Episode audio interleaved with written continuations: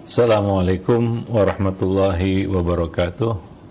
Alhamdulillah nahmaduhu wa nasta'inuhu wa nastaghfiruh wa na'udzu billahi min shururi anfusina wa sayyiati a'malina may yahdihillah fala mudhillalah wa may yudlil fala hadiyalah. Asyhadu an la ilaha illallah wahdahu la syarikalah wa asyhadu anna Muhammadan abduhu wa rasuluh. Ya ayyuhalladzina amanu ittaqullaha haqqa tuqatih wala tamutunna illa wa antum muslimun amma ba'du.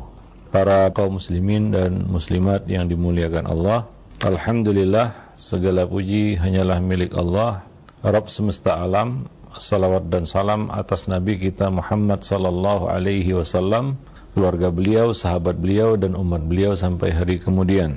Para kaum muslimin dan muslimat, azan Allah wa iyyakum.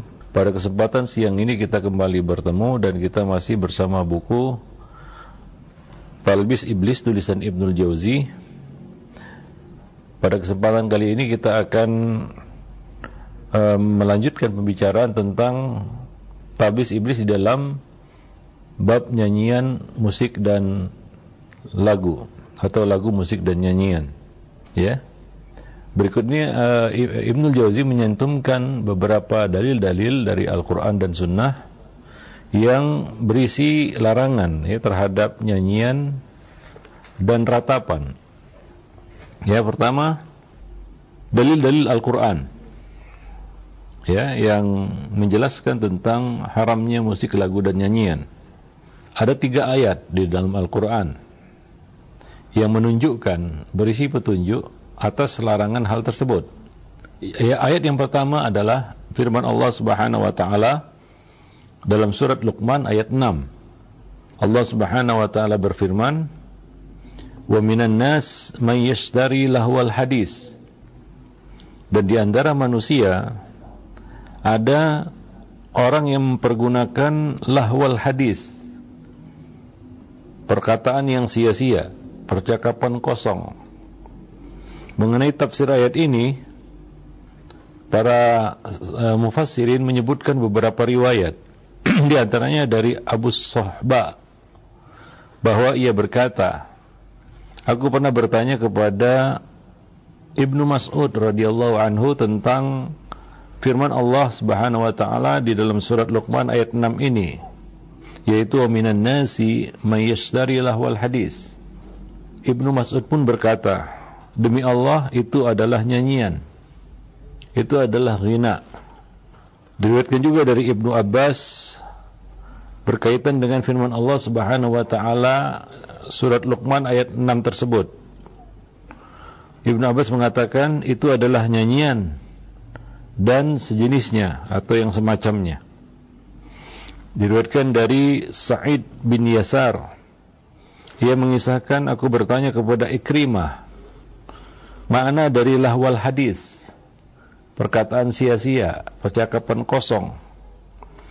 Dan Ikrimah menjawab Yaitu maksudnya adalah nyanyian. Ya demikian pula Diriwayatkan dari Al-Hasan Sa'id bin Jubair Qatadah Dan Ibrahim An-Nakhai. Mereka menyebutkan yang dimaksud di dalam firman Allah Subhanahu wa taala tersebut yaitu lahwal hadis adalah nyanyian.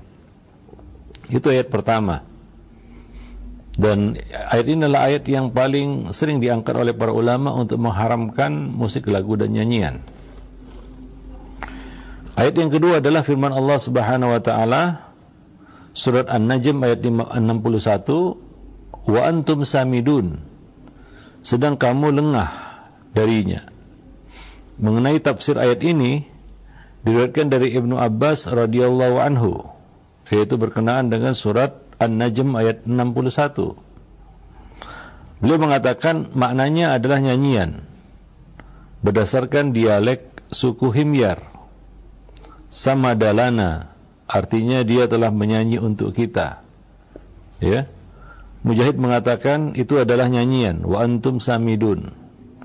Ya orang-orang Yaman mengatakan sama ada fulan Artinya si fulan bernyanyi untuk kami atau bernyanyi.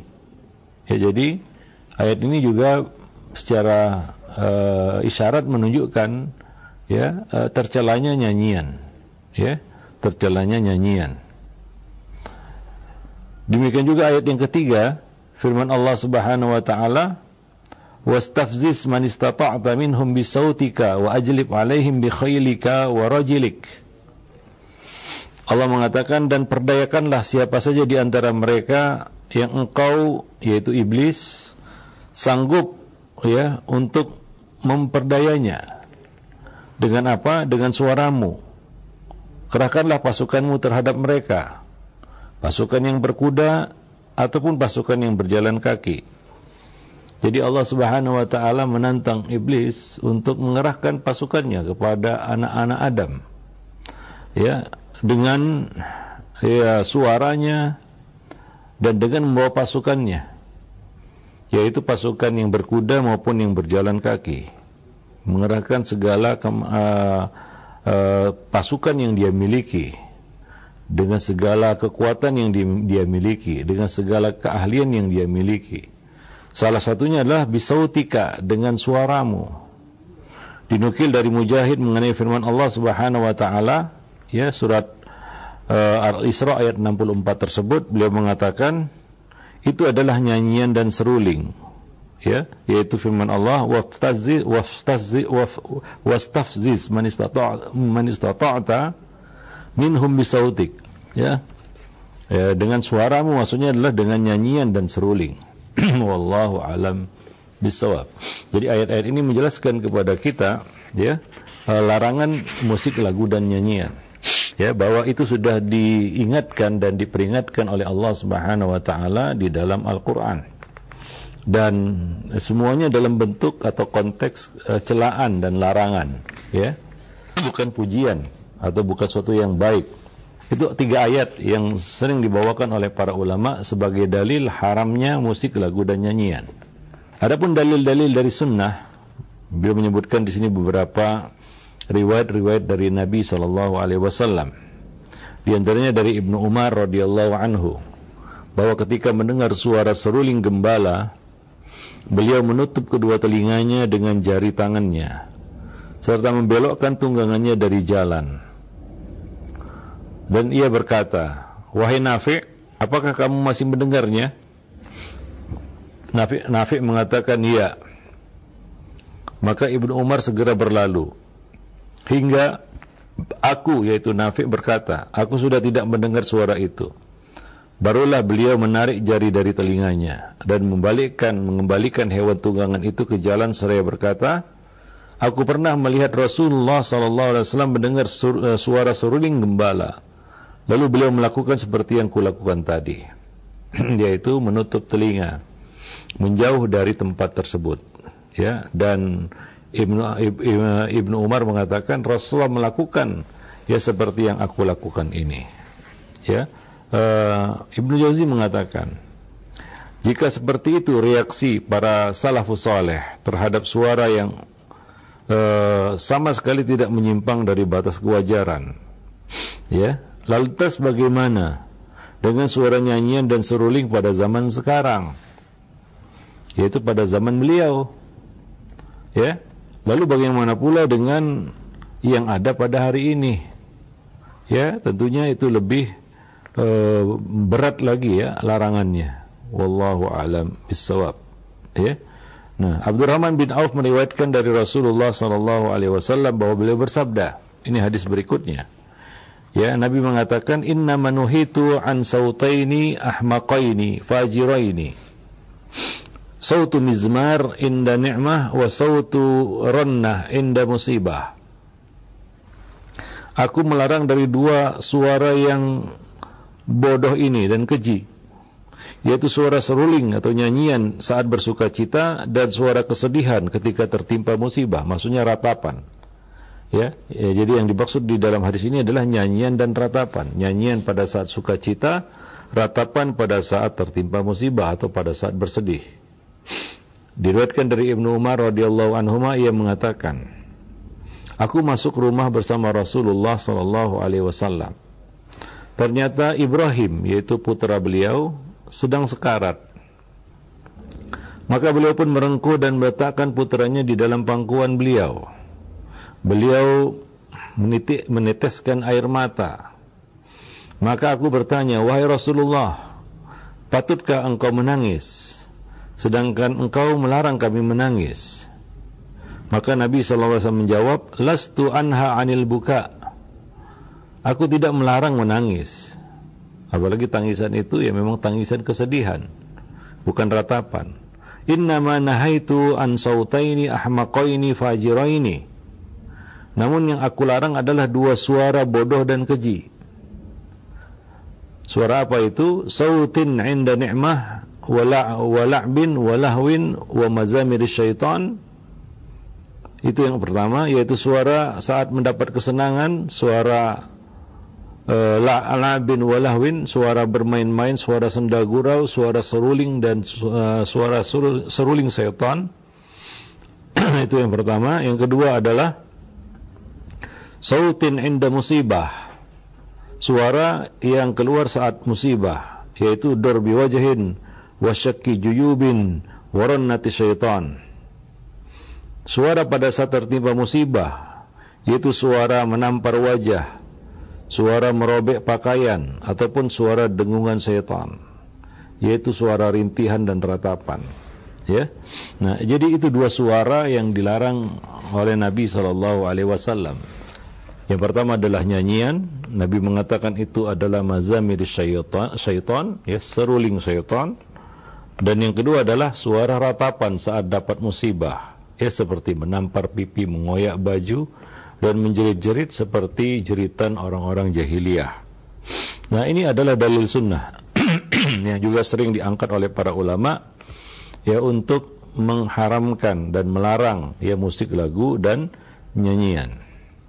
Jadi jelas dari uh, baik itu dari Al-Quran didukung lagi dengan hadis-hadis sunnah yaitu hadis-hadis Nabi SAW bahwa tidak ada ya pujian ataupun uh, uh, perintah ataupun anjuran untuk ya mendengarkan musik lagu dan nyanyian. Bahkan sebaliknya yang ada adalah celaan ya dan peringatan larangan ya dari Nabi sallallahu alaihi wasallam dari Allah Subhanahu wa taala maupun dari nabinya Muhammad sallallahu alaihi wasallam. Bahkan Nabi menisbatkan ini kepada syaitan ya mazamir syaitan ya ronnati syaitan ya ratapan setan ya nyanyian setan seruling setan ya tentunya segala sesuatu yang dinisbatkan kepada setan itu adalah perkara yang buruk ya. Bukan perkara yang baik. Ya karena setan identik dengan hal yang buruk-buruk hal yang tidak baik ya. Nah demikian. Wallahu alam adapun dalil athar ya tadi sudah dari Al-Qur'an dari sunnah sekarang dari al-athar, athar-athar, riwayat-riwayat dari para salaf. Ya, mulai dari sahabat tabi'in, atba'u tabi'in dan seterusnya. Ya, sebelumnya kita sudah jelaskan juga pandangan ulama empat madhab berkaitan dengan masalah musik, lagu dan nyanyian. Ya, hampir bisa dikatakan mereka sepakat ijma atas haramnya perkara tersebut. Hampir tidak ada yang menyelisinya kecuali segelintir orang saja. Dan uh, uh, Uh, perbedaan pendapat uh, mereka ini tidak muktabar ya penyelisihan mereka ini ghairu muktabar wallahu alam bisawab adapun dalil asar diriwayatkan dari Ibnu Mas'ud radhiyallahu anhu ia berkata nyanyian bisa menumbuhkan kemunafikan di hati seperti air menumbuhkan tanaman. Ya artinya musik lagu dan nyanyian ini adalah salah satu sebab munculnya penyakit nifak ya di dalam hati. Penyakit nifak di dalam hati. Hati itu punya banyak macam-macam penyakit. Salah satu penyakit hati itu adalah ya kemunafikan. Itu penyakit hati. Dan itu bisa tumbuh. Itu bisa uh, menyerang hati seseorang karena sebabnya adalah uh, musik, lagu dan nyanyian tadi. Ya. Apalagi musik, lagu dan nyanyian yang dilabeli, dilabeli dengan syariat seolah-olah benar padahal tidak benar ya nah demikian ya ia pun mengatakan ya jika seseorang mengendari hewan tunggangan tanpa menyebut nama Allah maka syaitan membonceng di belakangnya dan berkata menyanyilah meski kamu tidak bisa menyanyi dengan bagus Ya, kemudian setan juga akan berkata kepadanya berangan-anganlah. Ya, berangan-anganlah. Jadi termasuk salah satu yang dihasung uh, dan di uh, apa namanya dianjurkan oleh setan kepada anak Adam. Ya, suatu hari Ibnu Umar melintas dekat suatu kaum yang tengah berihram. Lalu di antara mereka ada seorang pria yang sedang bernyanyi. Maka Ibnu Umar berseru, "Ketahuilah, Allah tidak menerima amalan kalian." Ya, Allah tidak menerima amalan kalian. Yaitu teguran kepada mereka yang membiarkan ada di antara mereka orang yang menyanyi, ya, yang apa namanya, yang bernyanyi. Ya, wallahu alam bisawab. Ibnu Umar pernah juga melintas di dekat garis kecil yang sedang menyanyi. Lantas beliau berkata, andai syaitan bersedia meninggalkan seseorang, tentu ia akan meninggalkan garis kecil ini. Ya, artinya garis kecil itu saja, ya, e, diganggu oleh syaitan sehingga dia lebih memilih untuk bernyanyi, ya, daripada mungkin baca Quran. Wallahu alam bisawab, ya. Nah, demikian pula seorang pria bertanya kepada Al Qasim bin Muhammad tentang nyanyian. Maka Al-Qasim menjawab, Aku melarangmu dari hal itu. Aku memakruhkannya atasmu. Ya, eh, kadang-kadang makruh maknanya adalah tahrim, yaitu mengharamkannya atas kamu. Ya. Nah, orang itu kembali bertanya, haramkah ia? Al-Qasim menjawab, keponakanku, renungkanlah. Jika Allah membedakan antara kebenaran dan kebatilan, maka di bagian manakah dia menempatkan nyanyian? Ya. Al-Qasim memberikan suatu analogi ya kepada keponakannya ketika uh, keponakannya itu bertanya lebih lanjut ya uh, apakah larangan ini maksudnya haram ya haramkah ia maka Al-Qasim menjawabnya dengan satu perumpamaan. Ya, seandainya kata beliau, Allah memisahkan antara uh, kebenaran dan kebatilan. Ya, ada dua kubu misalnya. Ini kubu yang uh, kebenaran, ini ada kubu kebatilan. Maka di bagian manakah Allah akan menempatkan nyanyian? Apakah di kubu atau di pihak kebenaran atau kebatilan? Ya, eh, tentunya jawabannya adalah Allah akan meletakkannya di sisi kebatilan, di pihak kebatilan, bukan kebenaran. Dari situ dari situ kita mengetahui bahwa inilah perkara yang dilarang dan diharamkan di dalam syariat. Ya, wallahu alam bisawab. Diriwayatkan dari Asy-Sya'bi ia mengatakan, terlaknatlah orang yang menyanyi dan mengadakan suatu nyanyian, yaitu majelis nyanyian, mengundang bidu wanita dan menyuruh dia bernyanyi di hadapan manusia Ya. Nah, beliau mengatakan terlaknatlah orang yang menyanyi dan mengadakan suatu nyanyian yaitu suatu uh, kita katakan perkumpulan ya di mana di situ diundang bidu wanita atau biduan untuk bernyanyi. Ya Umar bin Abdul Aziz mengirim surat ke, uh, untuk guru yang mendidik anak-anak. Isinya adalah jangan jadikanlah perkara pertama yang mereka yakini dari didikan engkau itu adalah membenci senda gurau yang berawal dari setan dan berakhir dengan kemarahan Ar-Rahman. Ya, jadi ini Umar bin Abdul Aziz memberikan pengarahan ya kepada ya para guru di uh, daerahnya ataupun di wilayah kekuasaannya. Ya, isi dari surat itu, surat edaran itu adalah jadikan perkara pertama yang mereka yakini dari didikan engkau, yaitu yang diyakini oleh murid-muridmu darimu adalah membenci senda gurau yang berasal dari setan dan berakhir dengan kemarahan Ar-Rahman yaitu senda gurau yang tidak ada manfaatnya, yang mengandung kebatilan.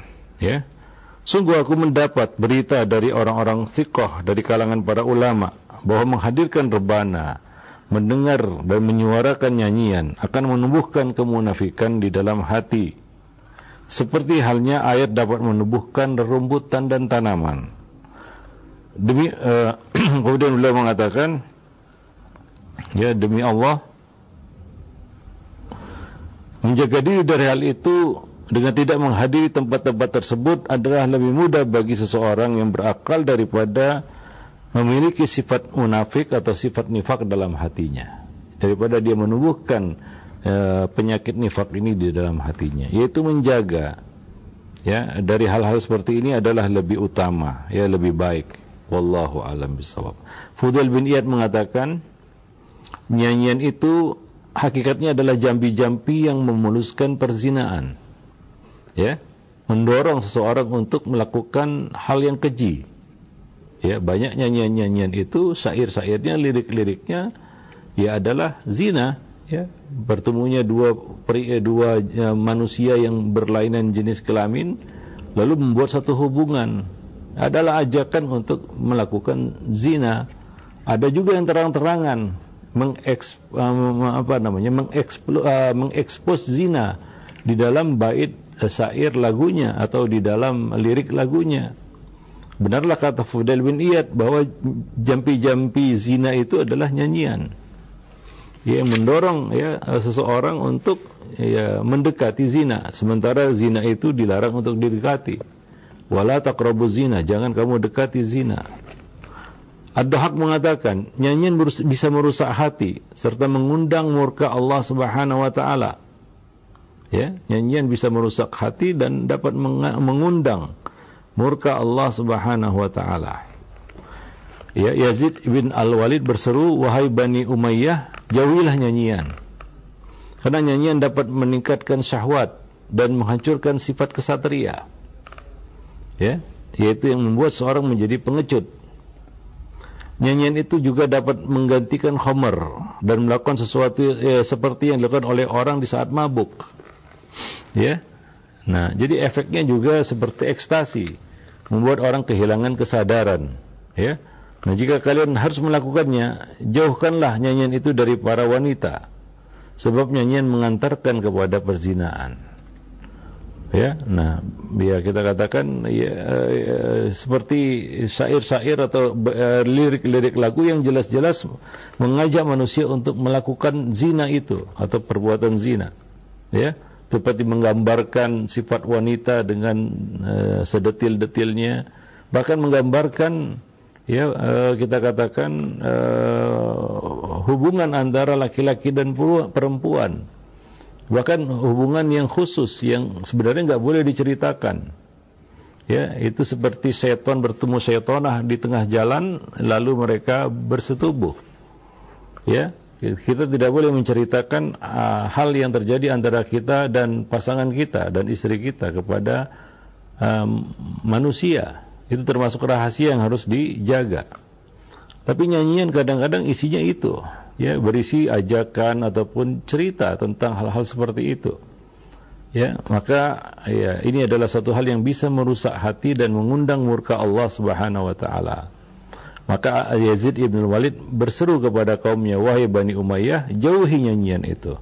Karena nyanyian dapat meningkatkan syahwat dan menghancurkan sifat kesatria.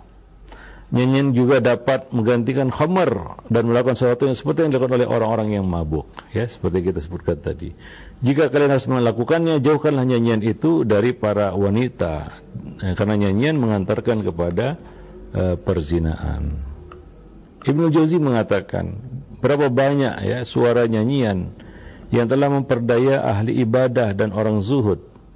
Ya, sebagian dari kisah mereka telah disebutkan di dalam uh, buku yang lain kata beliau yang berjudul Dhammul Hawa. Wallahu alam bisawab. Jadi itu riwayat-riwayat mulai dari para sahabat, tabi'in dan atba'u tabi'in, para ulama. Ya, bagaimana sikap mereka terhadap nyanyian-nyanyian tersebut, ya. Nah, bahkan mereka menyebut nyanyian itulah jampi-jampi syaitan yang memuluskan orang untuk melakukan ya perbuatan yang keji yaitu perzinaan. Wallahu alam bisawab bahkan sebagian ya kita katakan lagu musik dan nyanyian itu liriknya ada yang jelas-jelas ya mendukung hal-hal yang keji. Misalnya mendukung LGBT misalnya. Tanpa disadari oleh orang-orang yang menyanyikannya sementara itu adalah ajakan untuk ya kampanye untuk LGBT ya eh, pujian kepada kaum tersebut. Ya yang mana Allah melaknat kaum Nabi Lut ya karena uh, karena dosa yang serupa. Dan sejarah akan sama ya. Jika kita melakukan seperti yang dilakukan oleh ya kaumnya Nabi Lut kita akan mendapatkan seperti yang mereka dapatkan. Ya yaitu kebinasaan dan kehancuran wallahu alam bisawab taib Adapun dalil logika, Ibnu Jauzi mengatakan, adapun dalil logika seperti yang telah kami jelaskan sebelumnya, bahwa nyanyian dapat mengeluarkan seseorang dari batas-batas kewajaran dan, dan dan nyanyian itu juga menimbulkan perubahan pada akalnya. Ya seperti tersirap, terserap apa namanya? Ya kita terpengaruh. Ya seperti jampi-jampi ya yang uh, mempengaruhi akal seseorang seperti disihir ya dalam dalam sisi lain dia seperti orang mabuk ya seperti yang dikatakan oleh Yazid ibn Walid tadi ya seperti orang mabuk. Ya dia tidak e, menyadari kadang-kadang apa yang keluar dari lisannya. Ya bahkan dia berbuat sesuatu yang di luar kendali akal sehatnya. Wallahu alam bisawab ya nah demikian. Uh, adapun uh, dari logika di sini belum mengatakan ya, ya ketika seseorang berada dalam kondisi gembira karena nyanyian maka besar kemungkinan dia berbuat sesuatu yang dianggap buruk ketika dirinya dalam kondisi normal ya seperti menggerak-gerakkan kepala, menepuk-nepukkan tangan, menghentak-hentakkan kaki ke tanah, atau mampu melakukan berbagai tindakan yang dilakukan oleh orang-orang yang dungu ataupun orang-orang yang jahil. Ya, Nah, nyanyian membuat seseorang melakukan semua itu. Bahkan nyanyian bisa menimbulkan pengaruh seperti yang ditimbulkan oleh Homer, yaitu arak, minuman keras. Ya, yaitu dalam hal menutupi akalnya. Ya, maka sudah sepatutnya kata beliau nyanyian itu dilarang. Wallahu alam. Diriwayatkan dari Abu Sa'id Al-Khazaz dia mengatakan orang-orang yang gemar melantunkan kasidah, nasid, musik lagu dan nyanyian ya sama saja baik itu yang dilabeli Islam atau tidak ya Beliau mengatakan di sini orang-orang yang gemar melantunkan kasidah yang disebutkan di hadapan khalifah yaitu Muhammad bin Mansur. Lalu Muhammad bin Mansur berkata kepada mereka, mereka adalah orang-orang yang lari yang orang-orang yang lari menjauh dari Allah Subhanahu wa taala. Seandainya mereka tulus dan benar-benar beriman kepada Allah dan Rasulnya, niscaya Allah Subhanahu wa taala akan memberikan sesuatu dalam batin mereka hingga mereka menyibukkan diri ya eh, dengan ya, kebaikan dan meninggalkan hal-hal semacam itu. Wallahu alam bisawab ya. Diberikan dari Abu Abdullah bin Battah Al-Uqbari yang mengatakan seorang bertanya kepadaku tentang mendengarkan nyanyian. Ya, lalu aku pun melarangnya dari perbuatan itu. Ya, aku juga menyampaikan kepadanya bahwa nyanyian itu diingkari oleh para ulama. Ya. Ya, dan hanya dianggap baik oleh orang-orang yang bodoh. Wallahu alam bisawab. Nah, itu kesimpulan ya dari baik itu dalil uh, Quran, dalil hadis ya atau sunnah, dalil ijma atau asar maupun dalil logika. Semuanya mendukung bahwa nyanyian itu adalah perkara yang dilarang ya, bahkan diharamkan ya nah sebaiknya seorang ya menghindarinya ya atau ataupun menjauh darinya. Ya seperti yang dilakukan oleh Nabi saw beliau menutup telinga dan beliau menyingkirkan hewan tunggangan beliau dari jalan demi menjauhinya. Ketika suaranya tidak terdengar lagi baru beliau kembali ke jalurnya. Ya ke jalur perjalanan beliau. Wallahu alam bisawab nah berikutnya kita akan bahas nanti yaitu subhat-subhat yang dijadikan pegangan di kalangan orang-orang yang membolehkan ya mendengarkan musik lagu dan nyanyian. Ya, dengan di sana ada saja alasan ya. Ini adalah masalah fikih ya. Wajar di sana ada perbedaan pendapat, tapi tidak semua perbedaan pendapat itu muktabar. Nanti akan kita jelaskan bahwa memang ada. Ya kalau dicari-cari ada aja ya pendapat yang menyelisih pendapat jumhur. Tapi kita kita ketahui bersama sebelumnya bahwa jumhur ulama baik dari kalangan empat madhab maupun uh, ulama-ulama non madhab lainnya berpendapat bahwa nyanyian musik lagu ini adalah perkara yang ya diharamkan dan dilarang di dalam syariat. Wallahu alam bisawab. Nah, uh, kita akan lanjutkan ya pembahasan ini pada pertemuan-pertemuan berikutnya insyaallah. Subhanakallah bihamdik asyhadu alla ilaha illa anta astaghfiruka wa atubu ilaik. Wassalamualaikum warahmatullahi wabarakatuh.